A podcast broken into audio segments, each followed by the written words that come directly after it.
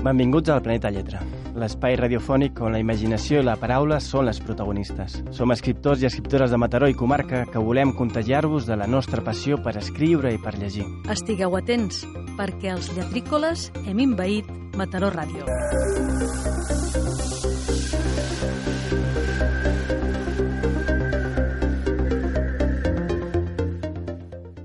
Bona tarda.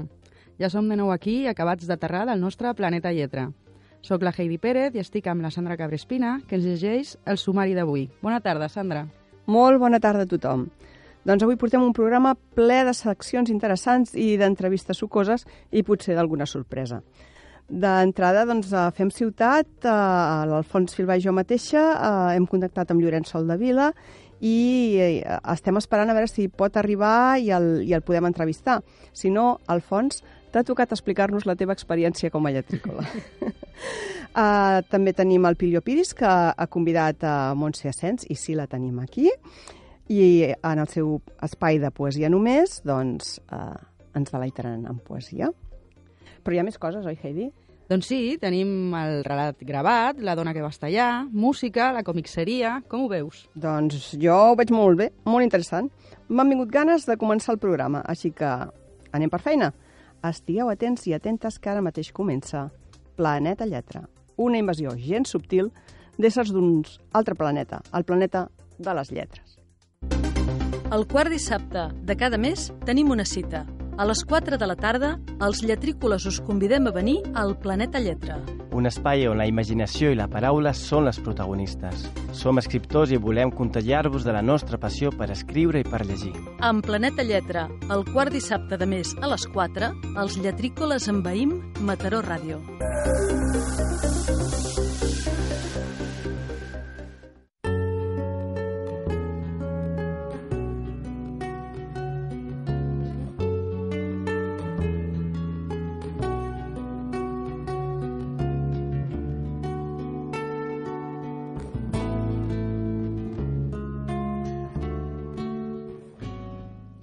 Bona tarda. En aquesta secció de Poesia només, avui comencem amb una novetat editorial, però que creiem que val la pena fer-ne referència. Es tracta de l'estudi Les Rieres del Vers, un viatge a través de la poesia del Maresme de Caral Morros Baró. Aquest va ser un treball de fi de carrera que ella va fer a l'any 2015. Amb ell, què pretén la, la Caral? Diu, no es tracta d'una antologia ni d'una recomanació, és una visió sobre la riquesa poètica comarcal, una mirada novella construïda entre la sort i la troballa que no busca altra cosa que encomanar interès cap un tresor per a molts desconeguts. Però per què la Caral va triar això de les rieres del vers? Deixem que la seva veu ens ho digui va ser per mi un, un descobriment parlar amb en Francesc Forn, per exemple, de, de la configuració de les rieres, no? que per això té aquest nom, les rieres del vers, i de com la poesia també moltes vegades va lligada amb el territori i la visió del territori que en tenen els mateixos poetes. No? Perquè Teresa d'Arenys, que és una poeta boníssima, que si no la coneixeu, si us plau, us demano que, que la rescateu i la descobriu, deia que, per exemple, no tenim per què dir el Maresme, podria ser la Maresme la Caral també eh, va anar seguint, com l'aigua, diferents troballes. Ella va anar parlant i un poeta li parlava d'un altre poeta i un altre li portava a un altre lloc, com, com les rieres. Entre aquestes troballes ens en recomana, per exemple, una de molt interessant. Per exemple, em va agradar molt conèixer a, a la Carme, que la Carme Colomer és una poeta d'Arenys de Munt, que és, uh, és cega des dels de, 7 anys i com ella no, entenia la poesia i com ella la construïa també, no? Perquè tot i que al principi deia que no, vam anar descobrint totes dues que el fet de, de ser invident, no? el fet de ser cega li donava unes capacitats uh, de cara als altres sentits i transcriure'ls a través de la seva poesia doncs, molt diferent no? de les persones vidents. Us hem de dir de que la Caral no està aquí amb nosaltres. Aquesta és una gravació que hem obtingut gràcies a uns companys també de ràdio. Li hem d'agrair a l'entrevista que li va fer el Jaume Cabot a Vilassar Ràdio aquests talls de veu perquè els dissabtes la Caral treballa. I per acabar només aquesta ressenya d'un llibre que a més podeu trobar gratuïtament a Quadars de la Font del Cargol, busqueu a internet i us el podeu descarregar. Això tan típic i tan tòpic i tan difícil de definir la poesia? A veure si ho trobo, hi ha una, una cita molt maca de la Teresa d'Arenys aquí al, al llibre, que diu, diu la poesia és la traducció de l'ànima. El més important d'un escriptor o d'un artista és la sinceritat. L'escriptura és la vida. L'obra va a remolc de les teves transformacions. Sempre és posterior a la vivència. I jo crec que és ben bé això, no? Escrius del que vius i del que t'impacta. Uh, seguim amb poesia només. Bona tarda. Som en Pilió. Un altre pic amb vostès per compartir l'espai de poesia només. Un espai sense grans pretensions, encara que avui serà l'excepció ja que tenim entre nosaltres una poeta de luxe, de Montse Asens. He escoltat més d'una vegada que la poesia és el germà petit de la literatura, gens d'acord amb aquesta postura, encara que el germà petit pot ser bo, també, podria ser. La poesia pot ser moltes coses, tantes com qualsevol altra, com novel·la, relat curt, conte, etc. I ben segur que pot expressar d'una manera fefaent, odi, amor, protesta, esperança, desesperança, cantar la llibertat i una caterva més de sentiments que es poden expressar a través d'un poema, com qualsevol altra literatura pot ser bona, dolenta, de mitja pensió. Ho preguntarem a na Montse. Uh, bona tarda, Montse. Hola, molt bona tarda. Na Montse viu a Premià de Dalt, on participa activament en la vida política, social i cultural. Membre fundadora de l'Associació de Relataires en Català, membre d'Arts i Lletres i de l'Associació d'Artistes de Premià de Dalt. Entre altres premis podem anomenar Ramon Ferran Doadell, 2007-2016, Artur Simó, 2008, Josep Grau i Colell, 2011 i 14, Antoni Ferrer, el 12, Foment Martinenc, el 13, Salvador Esternifà, el 14, setè Premi Literari Drac Venus de Badalona, 2015, Festa de, Festa de Elx, Poeta Pastor, 2016, i aquest darrer, de, no, primer tindríem en Martí Pol i després tindrem és de Marià Manent, qui, de, del 2017 qui eh, serà amb el que començarem l'entrevista de la Montse. D'entrada, dues preguntes. La poesia és el germà petit de la literatura? Jo crec que no. Vaja, i si és el germà petit, eh, és el que dèiem, pot ser molt bo, vull dir, no té per què ser dolent per ser petit, eh? Jo penso que, que potser sí que hi ha un públic reduït que li agrada la poesia, però no per això hem de deixar de fer poesia, perquè els que ens agrada també tenim dret a tenir poesia. Clar que sí. I l'altra, o una altra pregunta que te vull fer, és perquè el títol de Parhei en el premi de... Premi Maria Manent. De Maria Manent, mm. des darrer del 2017. Apargeis és un llibre que neix de, arrel del premi que havies dit Miquel Martí Pol, que era un petit recull sobre uh, la temàtica dels refugiats, clar, és una temàtica que la duia molt a dins, vaig continuar escrivint sobre el tema, llavors quan em vaig començar a documentar sobre aquest tema, em vaig trobar que en aquest planeta hi han més de 40.000 quilòmetres de muralles, murs, fronteres, d'aquestes que no deixen ni travessar. Per... Llavors em vaig començar a documentar amb aquest tema, me'n dono compte de que eh, els humans creem espais tancats amb l'excusa de protegir-nos de les amenaces i el que fem és eh, fer que aquell espai tancat poder-lo controlar, no? Llavors, em sembla que limitem la llibertat. Per això, aquest poemari parla de murs, de totes les fronteres que hi han, parla de refugiats, parla de presons i parla de llibertat amb un interrogant, no? I per això ve el nom de Parheix, llocs tancats que els humans són capaços de crear per controlar. Sé que ets una defensora a ultrança de la llibertat de les persones. De sempre. I qui no, i qui no. Malauradament, si hi ha algú que no ho sigui, bueno, malament anem. Jo crec que per defensar la llibertat hi ha d'haver verdugos, hi ha d'haver buixits, si no, no, no l'hauríem de defensar. Eh? bueno, sí. eh, és una opinió. També és veritat, també tens raó. Eh, després, per es, diguem, poetes novells que comencen i que tenen ganes de fer poesia, etc. Vull dir, un poeta quan sap que pot ser poeta, o com sap o quan sap que es pot presentar un concurs per veure si la seva poesia té o no té valor.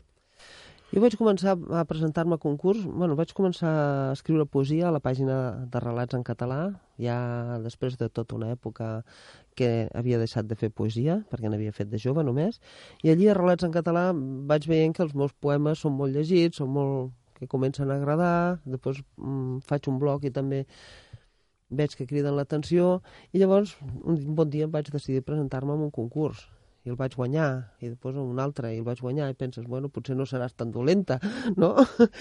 I així va anar, eh? Llavors també va arribar un moment que vaig deixar de presentar-me a concurs perquè ja no, no, no m'atreia, vull dir, el que m'atreia era escriure la poesia que jo volia i compartir-la a la xarxa, que és el que vaig fer sempre, no?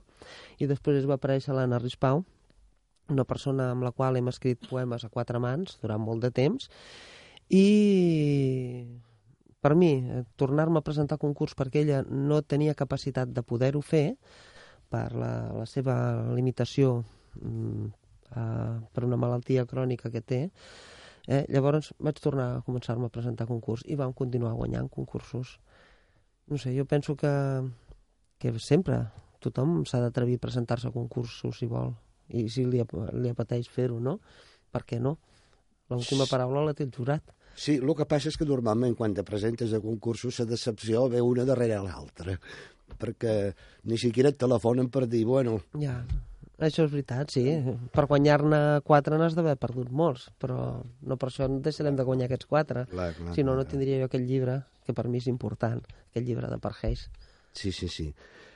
Uh, després una altra pregunta a nivell personal. Què pretén una poeta quan dedica el temps que té a fer poesia? En el meu cas, jo necessitava treure-ho, d'una manera o altra, treure tots aquests neguits, aquestes quimeres, i era la meva manera de treure-les era escrivint, eh? escrivint els versos i, i, i era la manera de treure-ho. Sempre he dit que la poesia per mi era despullar-se davant del món, vull dir, perquè treus la cosa més íntima que dus a dintre i la poses sobre un paper perquè la pugui contemplar tothom, no? Doncs per mi era alliberar-me de tots aquests neguits. Un poeta per escriure, per escriure poesia sincera, dius que s'ha de despullar, evidentment, Uh -huh. és difícil? Costa? Eh, o al principi costa? O... Perquè, clar, t'estàs... Estàs ficant... Estàs ficant intimidats eh, eh, cap al carrer, vull dir...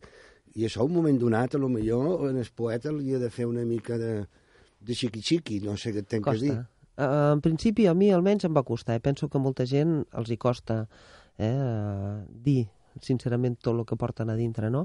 Per això vaig començar a la pàgina de Relats en català sota un pseudònim, que es diu Mar, sota un pseudònim, i allí estava molt tranquil·la, fins que vaig guanyar eh, allò que vaig decidir presentar-me a un premi, vaig guanyar aquell premi, llavors vaig dir... Jo intentava que no se sabés que era jo, però clar, va arribar un punt que se sabia que era jo.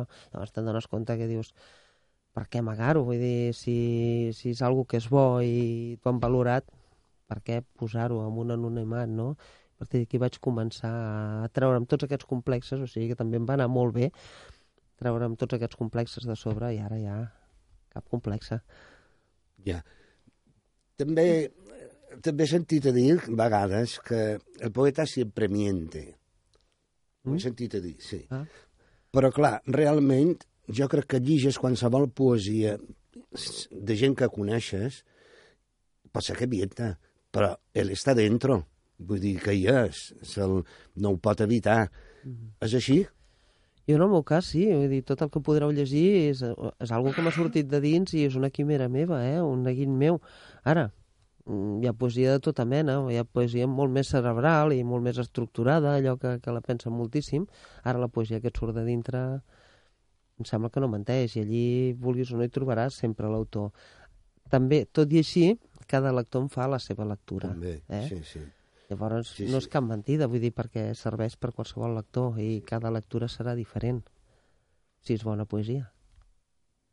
I en quin nivell consideres que està... Aquí al Maresme hi ha bastant de, de, de foc encès a nivell poètic, almenys això m'ho sembla. En quin nivell trobes que està actualment la poesia?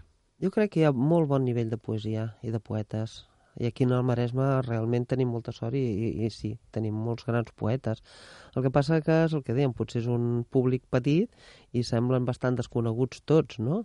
Però hi són, que això és l'important, que siguin. Per mi hi ha bon nivell. Molt bé. I pots fer algun tast d'algun poema que tinguis preferit sí. o no? Però... Sí. Vale. Vinga, us llegiria aquest de... És un poema que és entranyable per mi, perquè d'aquest llibre per Hayes que parla ja de les presons, no? I jo vaig cada setmana fer un taller literari, vaig voluntària, fer un taller literari al centre penitenciari de joves. I llavors aquest, quan entres en un centre penitenciari, evidentment vas trobant totes les parets, totes les tanques, totes les portes, no? I això et va quedant a dintre i, i tard o d'hora de sortir, no? I aquest poema, quan el vaig llegint els nois d'allà, s'hi van sentir tan identificats que es van emocionar tant que ara per mi aquest poema és molt important, molt. Per tant, us llegeixo aquest, que Vinga, es diu endavant. Claus. A cel obert, traspua la paraula llibertat, com una engruna que deixondeix sense aturar-se a viure. L'horitzó és a tocar. Les tanques redueixen el cercle on estic empresonat. Camino fent voltes sobre mi mateix per no aturar la força que encara es manté viu, em manté viu. Guaito amunt, i desitjo tenir ales per poder volar. Un cel obert i blau es manté implacable als meus ulls. Molt guapo. Se, no, seguint el fil, seguint el fil d'aquest poema, i dius que fas tallers a presons o en presos o no sé com, per no fer llarg, no sé si són presons, són presos o... Vull dir... Dins una presó i en presos. Ja presos. amb, quin, amb quin ànim eh, reben aquesta, diguem, aquest, aquest ensenyar poesia o, o, o intentar ensenyar poesia, amb quin ànim ho reben? A veure, dintre la presó hi ha de tot, i qualsevol cosa que els hi vingui de fora de manera espontània, voluntària, ho accepten de bon grat, perquè no, si no, no tenen res més, estan molt limitats.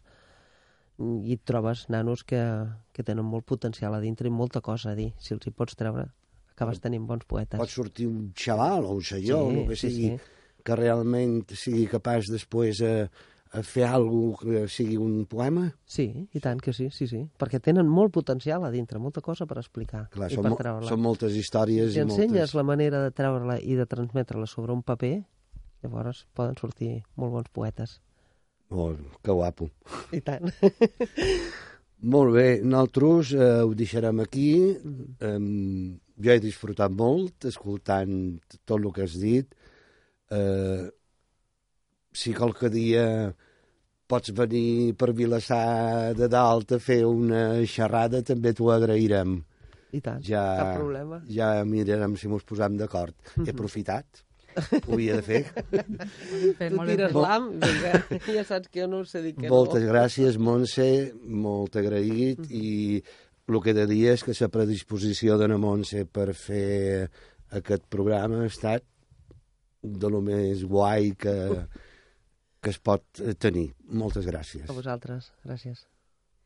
Doncs ara, aprofitant que m'ha agradat molt el títol del- d'aquest recull de, de poemes, d'Apartheids, perquè avui parlarem de Black Panther també, i parlar una miqueta també de racisme i, i tot això, us posarem una cançó d'un grup que es, deu, que es deia The Lumpen i la cançó es diu The Legacy. Ladies and gentlemen, brothers and sisters, the Black Panther Party very proudly presents Your legacy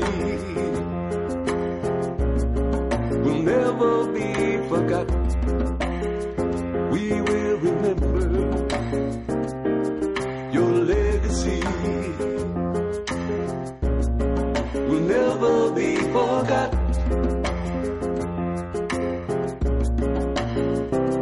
Let the story now be told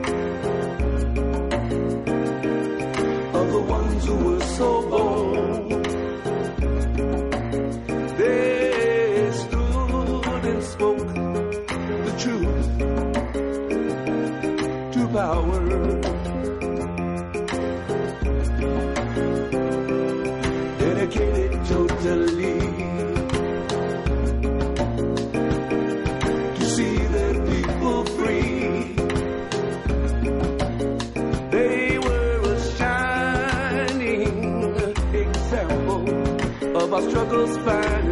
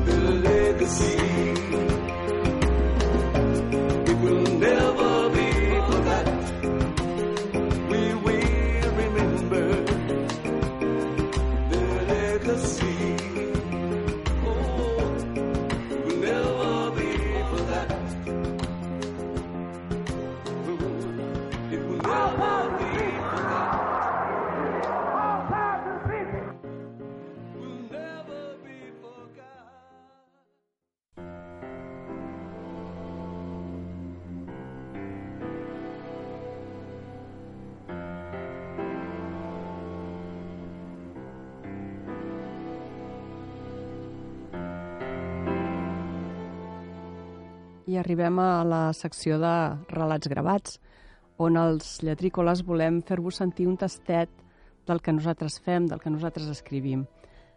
Uh, en aquest cas no seran les nostres veus, uh, seran unes veus de luxe, unes veus professionals, la gent de, en veu alta, i el que sentireu és un fragment de El vagabund de la mort, un relat de Julia Lancho Teruel, que està publicat en el recull Mataró és criminal de Planeta Lletra del 2017. De sobte, la salutació d'un veí que fa descombriaire al torn de mitjanit l'obliga a fer una llambregada al seu vell festina de corda. I s'adona que ja és molt tard. Ha badat massa aquesta nit. I ara ja és tard per estalviar-se les conseqüències. Perquè una no pot saber mai què li depararà el destí darrere la següent cantonada. I en el cas de l'Anastàsia, l'atzar ha volgut que el seu camí es creui amb el d'un individu que la humanitat sencera voldria desterrar per sempre si fos conscient de la mena d'ésser que emmascara. Si es girés, descobriria un home morè, de complexió física forta i alçada aproximada d'un metre i setanta centímetres, taciturn, de ment retardada i perversa, amb foscos ulls ametllats i un bigot idèntic al que exhibeix el seu actor favorit, Cantinfles, a qui creu honorar copiant-li l'aparença. Llàstima que no pugui creuar per dins el parc central. Els peus li fan mal de tant estar dreta i s'estalviaria de vorejar-lo, però aquesta hora ja fa estona que és tancat. Gràcies a l'imprevist ruixat del vespre, però, l'aroma que transpiren els eucaliptus que s'alcen majestuosos a l'interior s'estén al seu voltant i el reconforta durant uns valuosos minuts que acabaran esdevenint massa breus en un mataró que és ben negre i criminal. El quart dissabte de cada mes tenim una cita. A les 4 de la tarda, els lletrícoles us convidem a venir al Planeta Lletra. Un espai on la imaginació i la paraula són les protagonistes. Som escriptors i volem contagiar-vos de la nostra passió per escriure i per llegir. En Planeta Lletra, el quart dissabte de mes a les 4, els lletrícoles envaïm Mataró Ràdio.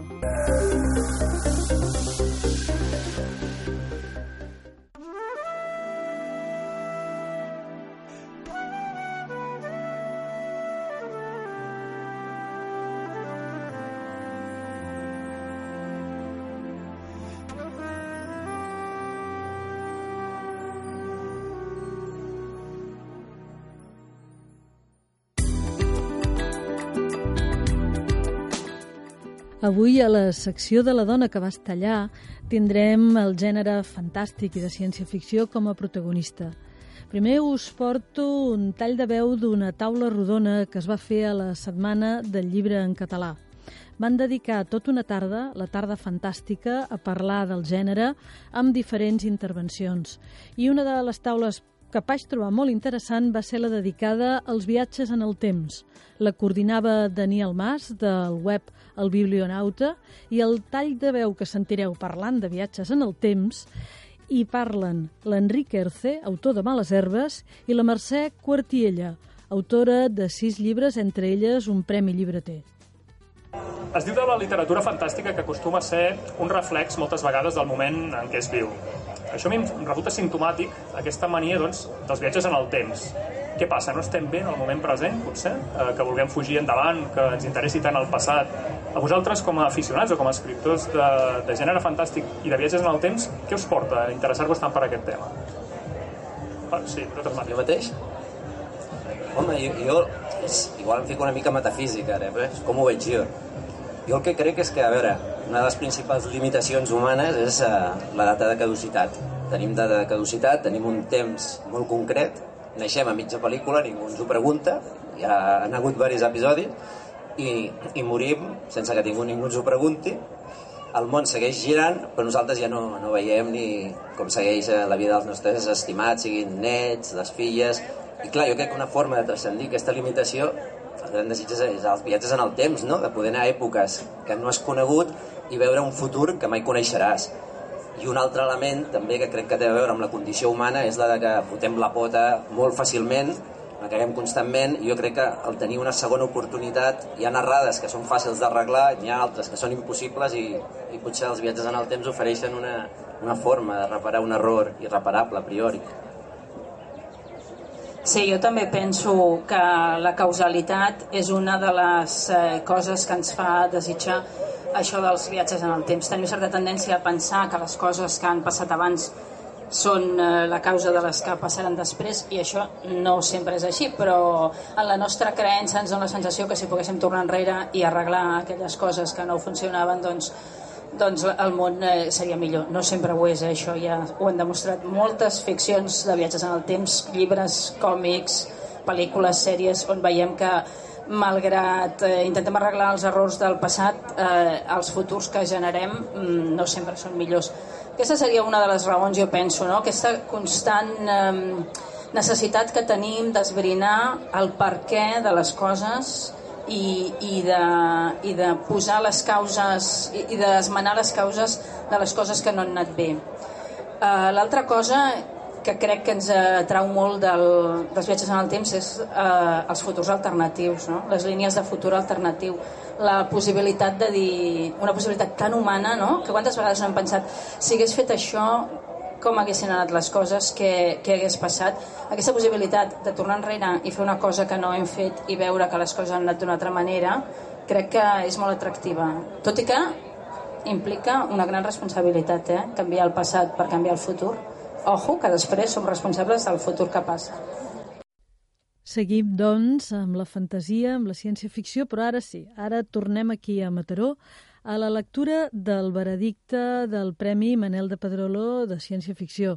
Ara escoltarem el Miquel Barceló, un dels membres del jurat, llegint precisament el veredicte que es va fer ara fa unes setmanes a la Biblioteca Pompeu Fabra. Però constituït per senyor Miquel Barceló i Garcia, president del jurat, senyor Antoni Montner Jordà, membre proposat per Pagès Editors, senyora Xesca Oliver, que avui no ha pogut venir, proposta de la Societat Catalana de Ciència, Ficció i Fantasia, i el Jordi Jor Dòria i Estrany, que avui tampoc ha pogut venir, i el senyor Antoni Sagarra i Torres, a proposta del grup organitzador de les trobades de Ciència, Ficció de Mataró, que van tenir molta volada els anys durant i la senyora Sílvia Sebastián i Salvaterra, que actua de secretari. Tenint en compte l'establert de les bases del 17è Premi de Narrativa de Ciència-Ficció Manel de Pedrolo, Ciutat de Mataró, i prèvies les oportunes deliberacions i discussions, s'acorda per majoria otorgar el 17è Premi de Narrativa de Ciència-Ficció Manel de Pedrolo, Ciutat de Mataró, per un import de 3.000 euros a la novel·la Òxid sobre òxids, essent l'autor de l'obra la senyora Maria Hernández Casassús. Tenim aquí la Maria Hernández?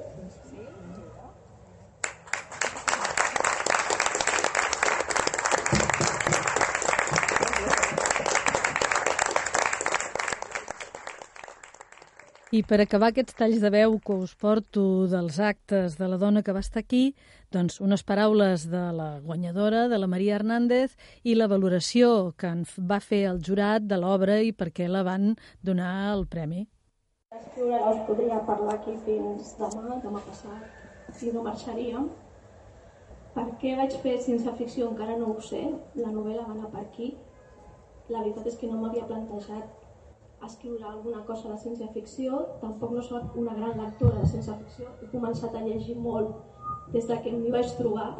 Abans no havia llegit, havia llegit altres gèneres, lectora sempre he estat, eh? sempre he llegit molt, però concretament de ciència-ficció no. El que passa que sí que és cert que, que tinc un, un...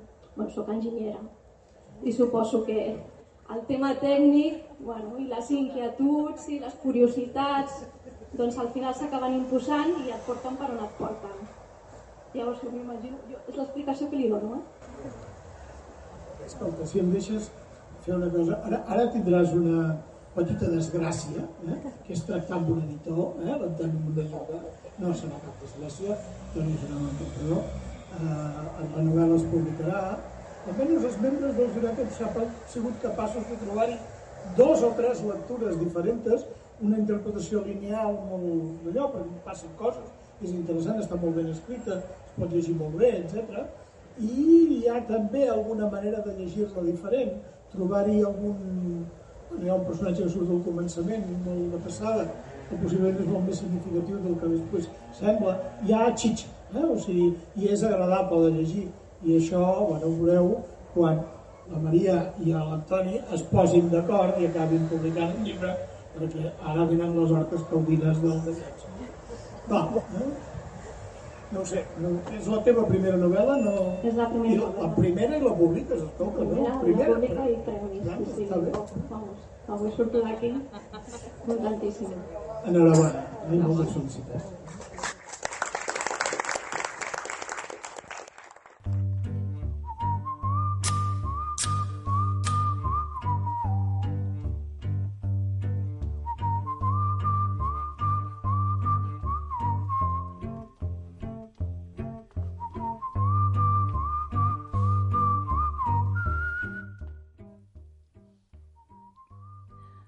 Doncs uh, benvinguts a, a la secció de Fem Ciutat.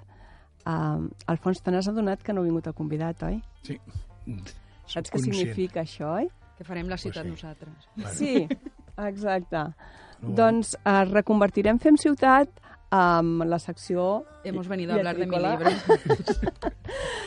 I parlarem amb un lletrícola, que a més feia temps que no parlàvem amb un lletrícola, oi que sí? Sí, sí, sí, o sigui que aprofitarem l'oportunitat i com que a més ets un lletrícola una mica de nova fornada, no tan nova fornada, però relativament, Sí. doncs eh, aprofitarem perquè ens expliquis la teva experiència com a això, com a nou lletrícola. Primer de tot, com ens vas conèixer? pues, bueno, com moltes vegades coneixes eh, la gent a Mataró, eh, els de la meva generació ens coneixem gairebé tots perquè gamblejàvem molt. Eh, després, pues, eh, al llarg de la, de la vida vas te'ls vas trobant i, bueno, pues, eh, També ramblejant, oi? Sí, també gamblejant i fent activitats d'aquestes. I eh, bueno, trobes que un dia parles amb un, que tens aquestes inquietuds, de què t'agrada, i llavors et diu, ostres, ja aquest grup que... I, bueno, i d'aquí va venir us vaig conèixer la primera vegada va ser la presentació d'un llibre en l'Antoni Comas, sí. si no me'n recordar. El de Matarós Criminal, em sembla. Mateix, i Justament el que avui hem sentit, el text ah, de això, la mateix, Júlia. Llavors em vaig adreçar amb un de, de vosaltres i, bueno, cap problema. I aquí I a estàs, partir d'aquí, eh? doncs mira, aquí estic. Molt bé. I què és el que més t'agrada de, de Planeta Lletra? pues l'entusiasme que hi poseu. Sí, vull dir, o sigui, ha sigut una cosa que m'ha sorprès. M'ha sorprès, o sigui, a veure, m'ha sorprès. Vull dir, m'esperava. Siguent una... No, vull dir, però siguent una cosa que, que, que vull dir que, que està feta amb, amb, amb espontaneïtat, sense ànim de lucre, que és el que avui en dia sembla que és el que prima, eh, doncs vull dir que si, si sigueu capaços de, de, de dedicar-hi el temps que hi dediqueu i de trobar i amb entusiasme i, i I que ara hi engrescats. dediques. Sí, que tu també, eh? Sí, però bueno, sí, però bueno, sí, sí, també, també. Però vaja, em, Perquè aixecar, em, em o sigui, aixecar-se de, de vegades i dir, vinga, m'hi poso a fer això, doncs eh, has de tenir ganes, no? Sí, és clar, i tens de buscar. Però, bueno, eh, clar, és que la meva situació, vull dir, jo tinc l'edat que tinc, i llavors, és, doncs, vull dir, eh, em serveix encara de revulsiu, de, de, de, de tenir una il·lusió, de fer coses, i perquè si no, eh, vull dir, Molt bé, escolta, veig que t'hi trobes bé. Uh, recomanaries a més gent que es fes lletrícola, doncs?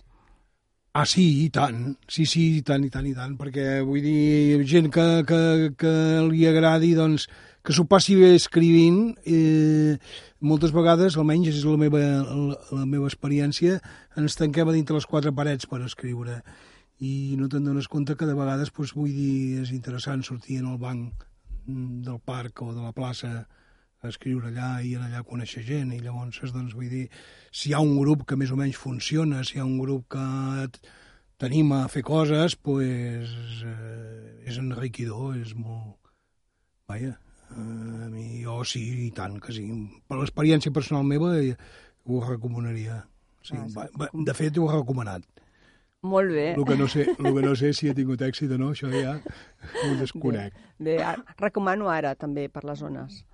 Bueno, bueno, i em sembla que hi ha més, gairebé més del que ja he dit, que sí, que vull dir que el que li agradi posar-se davant d'un paper, en blanc i, i, i escriure eh, i, i que a més a més s'ho passi bé, doncs bueno, s'enriquirà eh, compartint aquestes il·lusions amb gent que també les té.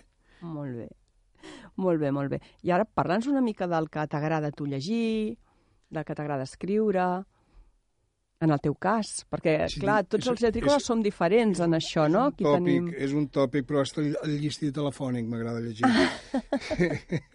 Ets No, un lector compulsiu. A- Allò Sí. que té lletres, allà que sí, hi anem. Sí, vull dir, i a més a més de vegades em trobes amb coses que, bueno, per el que sigui, perquè en el moment en què ho agafes no, no, no estàs predisposat a, a, a aquell text, però vull dir, el tinc a acabar. Vull dir, o sigui, quan començo un llibre l'he d'acabar. No el puc, no, soc incapaç de deixar, potser el deixaré una temporada, però el tinc a acabar. Tinc aquell...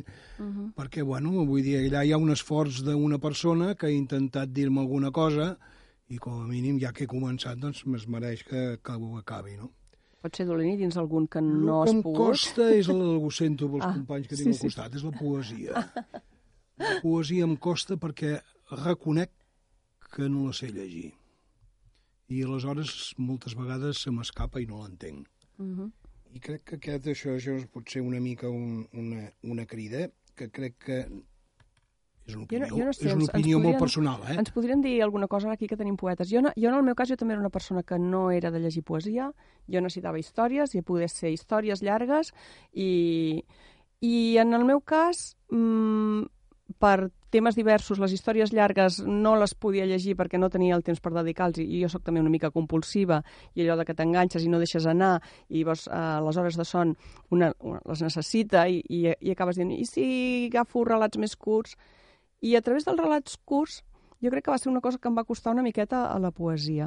I després l'oportunitat de llegir en veu alta que vaig tenir a- justament en Planeta Lletra, que em van deixar llegir en veu alta uns, uns poemes de Ponsola, i clar, guanya molt la poesia quan la, quan la llegeixes en veu alta. Llavors te n'adones que és, clar, és, és diferent de l'altra lectura. És una lectura que l'has de fer de, de poema en poema, jo crec. De poema en poema. Sí, però el que passa que jo crec que el que té és que no... A veure, què és el que volia dir? És molt personal, potser estic Sí. sí. equivocat, eh? però jo crec que en, en les escoles no es fa prou... O sigui, També, no, no, no s'educa a llegir poesia. També és cert. Ah, sí, i Puc tant. dir la meva? I tant. Tant, i tant, per favor. A veure, jo sempre recomano a tothom, tu deies a les escoles no s'educa gaire a llegir poesia, i si se'ls educa, se'ls educa a analitzar aquell poema, a intentar voler saber què volia dir l'autor. Jo sempre recomano que no, que llegiu la poesia sense voler-la analitzar.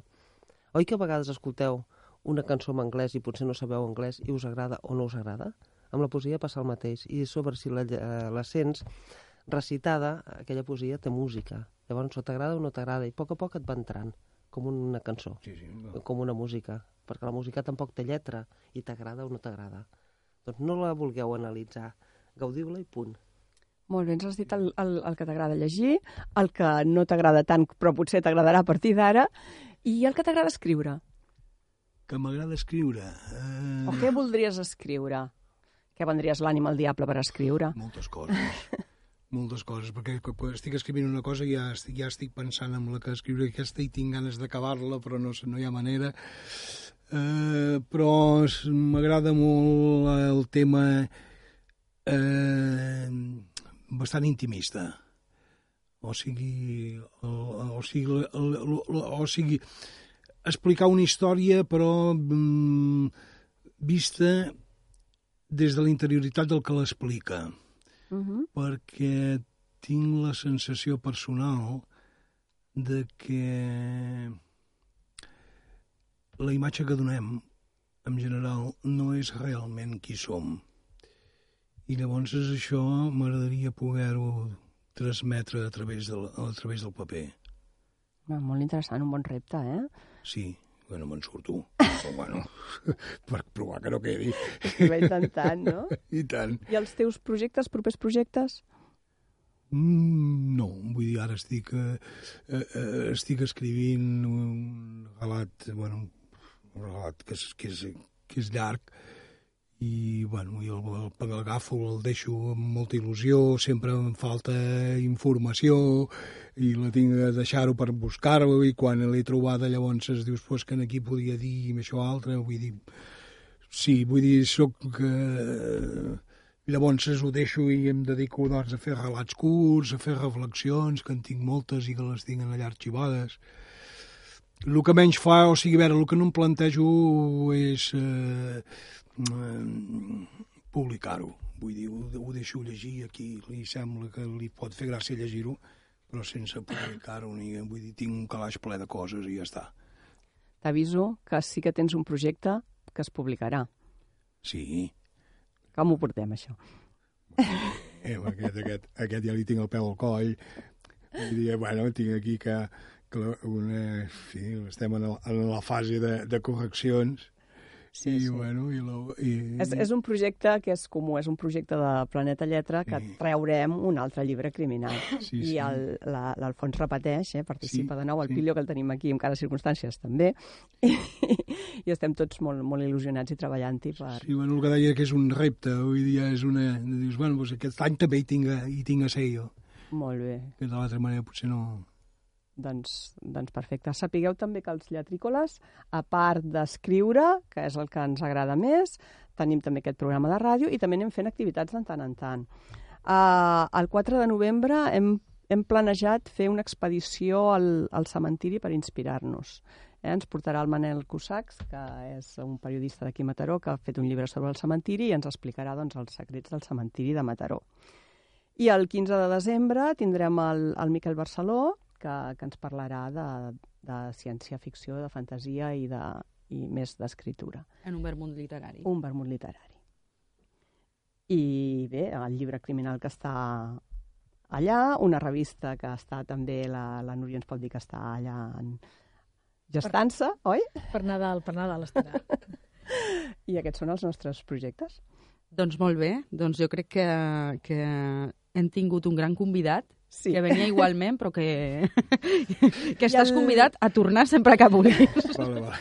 I el, i el Mallorenç Soldevila ja parlarem més endavant, esperem que no hi hagi hagut cap problema i sigui tot una petita confusió el que sigui. Exacte, l'esperem pel proper programa. I tant.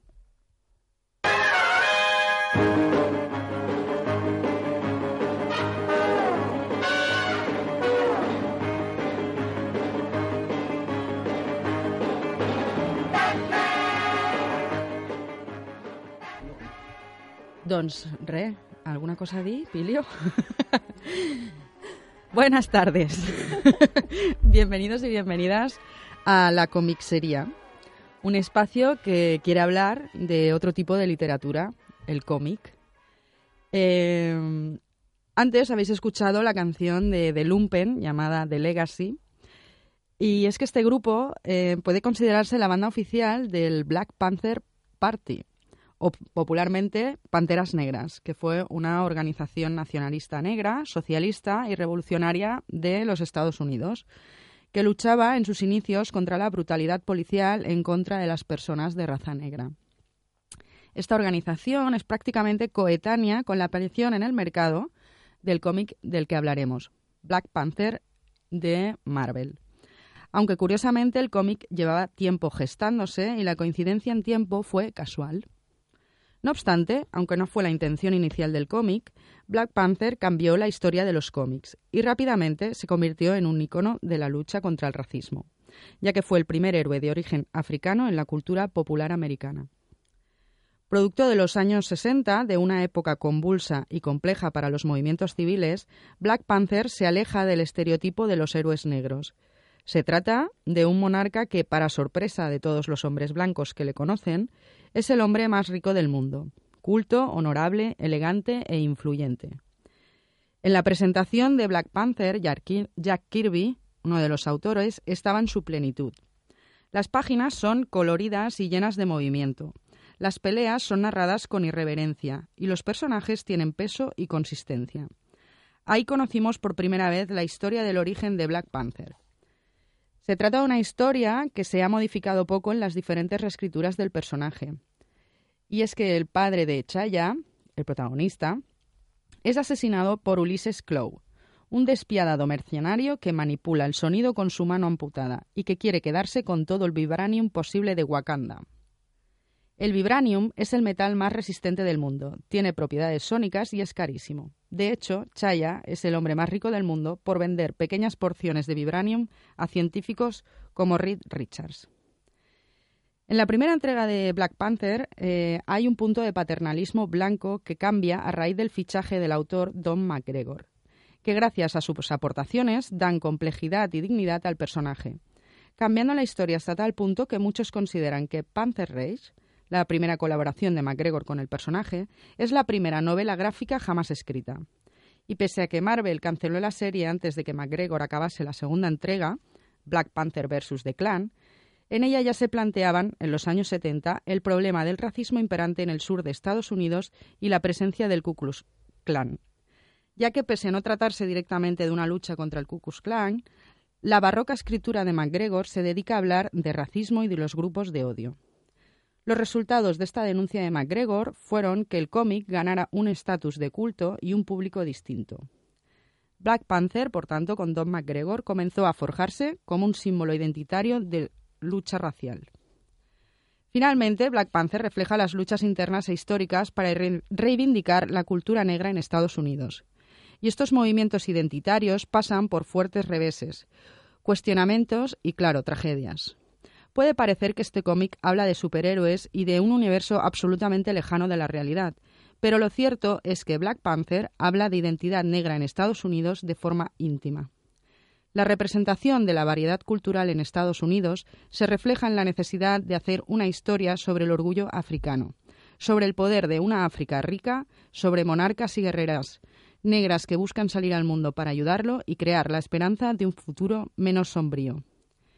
Y ahora os dejamos con otra mujer negra poderosa con la que cerraremos el programa. Ella es Nina Simone y Feeling Good. Birds flying high, you know how I feel. Sun in the sky, you know how I feel. drifting on by, you know how I feel. It's a new dawn, it's a new day. It's a new life for me, yeah. It's a new dawn, it's a new day. It's a new life for me. Ooh, ooh, ooh. And I'm feeling good.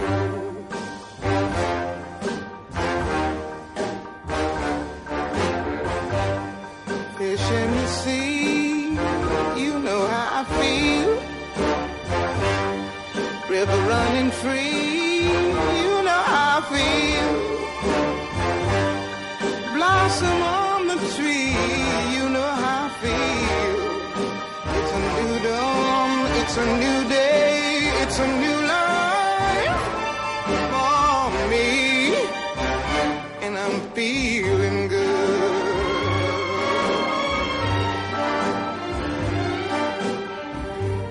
Dragonfly out in the sun, you know what I mean, don't you know? Butterflies all having fun, you know what I mean.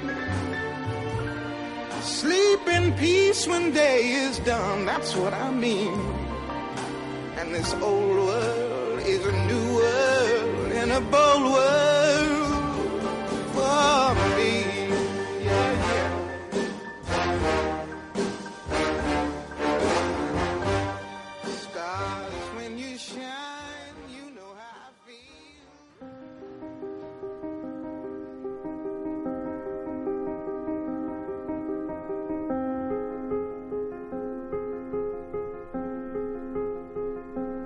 Així acabem avui el nostre programa. Els lletrícoles de Planeta Lletra marxem a la nostra galàxia, no tan llunyana, però prometem tornar d'aquí unes setmanes al quart dissabte de mes a les 4 de la tarda. Ens podeu seguir al web planetalletra.org i també al Twitter amb el hashtag Planeta Lletra.